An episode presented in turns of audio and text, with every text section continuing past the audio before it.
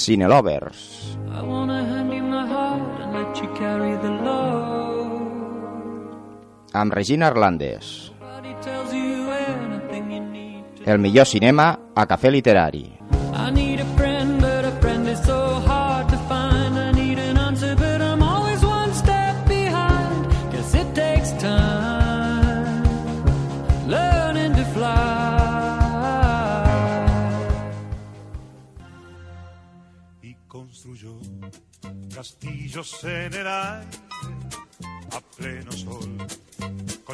De algodón en un lugar a donde nunca nadie pudo llegar usando la razón y construyó ventanas fabulosas llenas de luz, de magia y de color y convocó al duende de las cosas que tienen mucho que ver con el amor. En los demás, al verlo tan dichoso, cundió la alarma, se dictaron normas. No vaya a ser que fuera contagioso.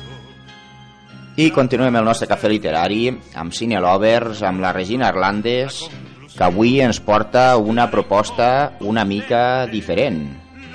Oi que sí? Bon dia, Regina, com estem? a convivir de nuevo con la gente, vestido de cordura.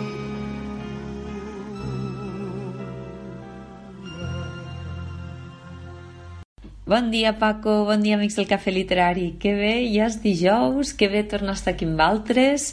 La setmaneta ja la tenim xupada i pront el cap de setmana, eh? que s'agafen ganes.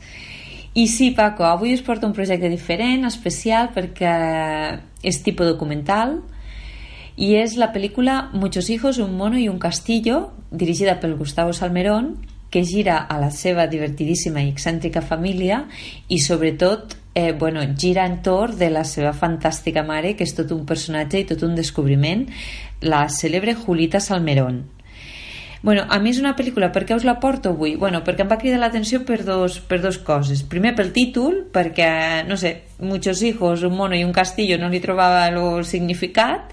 Després me'n vaig enterar que eren los tres somnis de Julita. I després també perquè la van presentar, va ser una de les pel·lícules que van presentar al Festival Rec de Tarragona. Aprofito avui per a parlar-vos del Rec, me sembla que ja us vaig parlar us he parlat del rec en, altra, en alguna altra ocasió però bueno uh, si no ho he fet ho, ho faig ara. És un festival que es fa a finals d'any a, a la ciutat de Tarragona i que de veritat cada vegada s'estan posant les piles i presenta mm, projectes d'una qualitat i d'un talent immensos.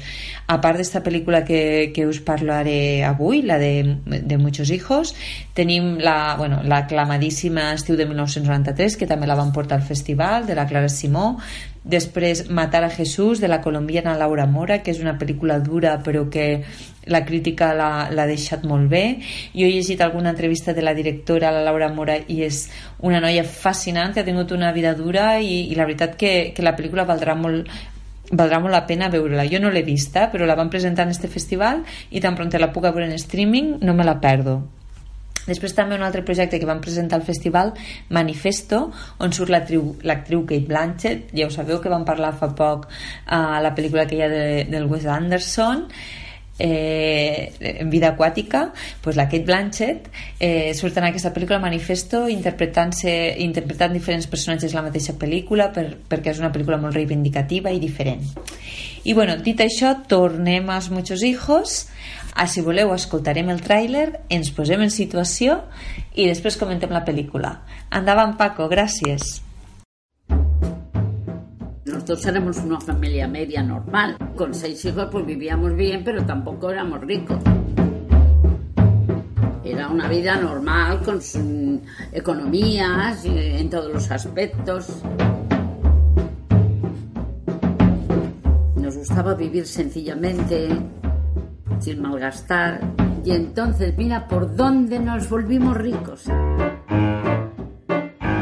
¿Y qué hacemos siendo ricos? Ya tenía los hijos, ya tenía el mono. Pues ahora lo que necesitaba era el castillo. Este es mi padre. Sí. Te- Y esa es mi madre. Sí, Pensar que mi padre está aquí. pero se nos van acumulando los muertos, Es mamá. verdad, bueno, y lo de las vértebras, es que me da miedo. Las mataron. A mi abuela y a su sobrina. Las cubrieron de piedras al lado del río. Se quedaron como recuerdo con dos vértebras. Si contratas una fosa para enterrarla en un cementerio, ¿cómo te quedas con huesos? Ah, porque te, porque te apetece quedártelos. Es que no te creas que es normal que la gente tenga estas cosas. Que tenga vértebras de su abuela. Hay que enterrarlas. A ver si van a estar las vértebras con los santos. Todo parte del caos. Una familia numerosa con organización caótica. Eso no se ha visto nunca. Cuando me muera, antes de que me quemen, me pincháis con una aguja. No saques de viva. Yo siempre llevaba uno así colgando. Y ahora medio atea. Bueno, en realidad soy masona. Antonio, soy masona. Bueno, pues muy bien. Ya te he oído decir tantas cosas. Pero ¿cómo va a salir en una película que yo me compré un castillo porque había heredado? Porque yo era una familia normal y luego era súper rica. Pero ¿cómo vas a salir eso? Cualquiera que lo vea, que me conozca, dirá, pero bueno, es verdad. Como es verdad, dirán, pues es verdad. Pero no saben lo que ha ocurrido después. Bueno, com heu pogut escoltar, té frases superdivertides. La veritat que mires la pel·lícula en un somriure a la cara.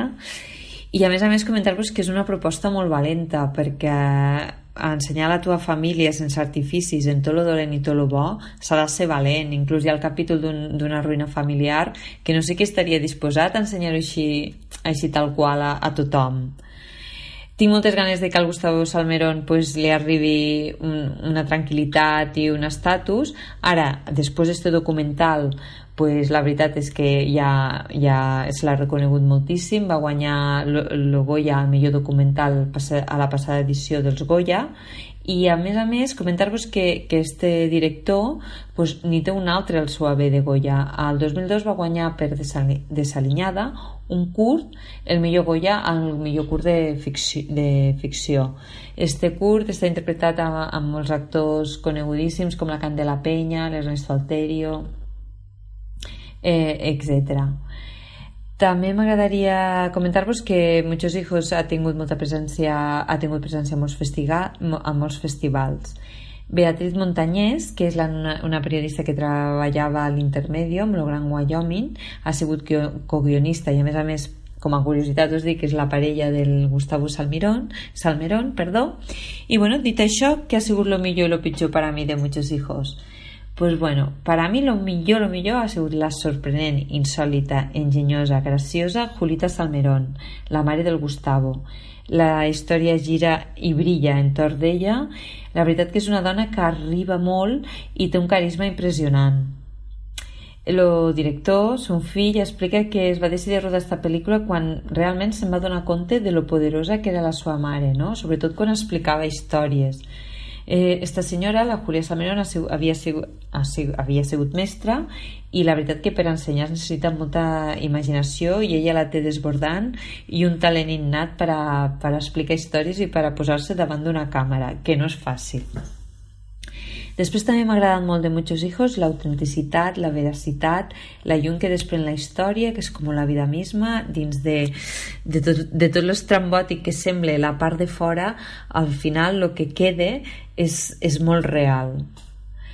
També me va agradar molt que, bueno, esta pel·lícula ha servit de motiu de que el Gustavo i la seva mare s'unisquen d'una manera molt especial perquè han estat 14 anys el Gustavo amb una càmera en mà cada evento familiar, que anava a visitar la seva mare gravant-la i este roce, este estar al seu costat, este gravar-la, este parlar pues els ha unit moltíssim més el Gustavo explica que a la seva adolescència després va estudiar fora i marxes de casa havia perdut una mica la, la relació amb la seva mare, no? la, la proximitat, i en esta pel·lícula han aconseguit aproximar-se, o sigui que és superbonic i ho trobo meravellós que una pel·lícula pugui ajudar en això.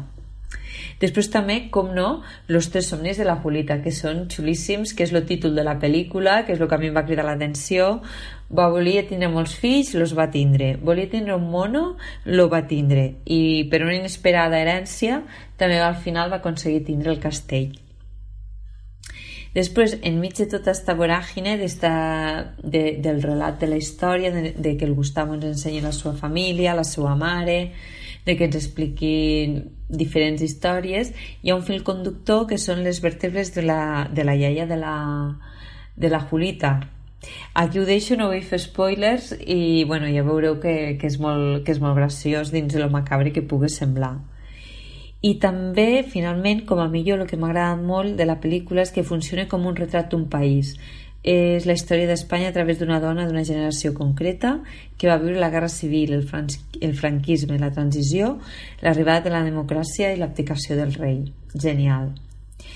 I bueno, i, dins de i, i enmig de tant de talent què ha sigut per a mi el pitjor? pues bueno, per a mi pues, pot ser el barroquisme de les cases que es veuen del castell, el munt de quadros de caixes, d'objectes i després a la Julita li passa una cosa que li passa a molta gent que no li agrada tirar les coses llavors tenen un, com un magatzem i està ple de coses que dius per a què, no? Per a, per a què? Jo, jo per exemple no comparteixo l'opinió de Julita, però ella diu que si t'esprens les teves coses com si t'esprenguessis de la teua vida.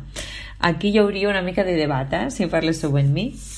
En fi, amics, és una pel·lícula que no us deixarà indiferents, que us farà riure, que us, que us sorprendreu, que mostra una dona diferent, que sap estar molt davant de la càmera el seu discurs és de tal magnitud que acaba per construir ella mateixa un retrat tendre i divertit d'una dona a qui la vida mai, el més important de tot, acabarà de destruir els seus somnis, malgrat els avatars que tots ja sabem que la vida té.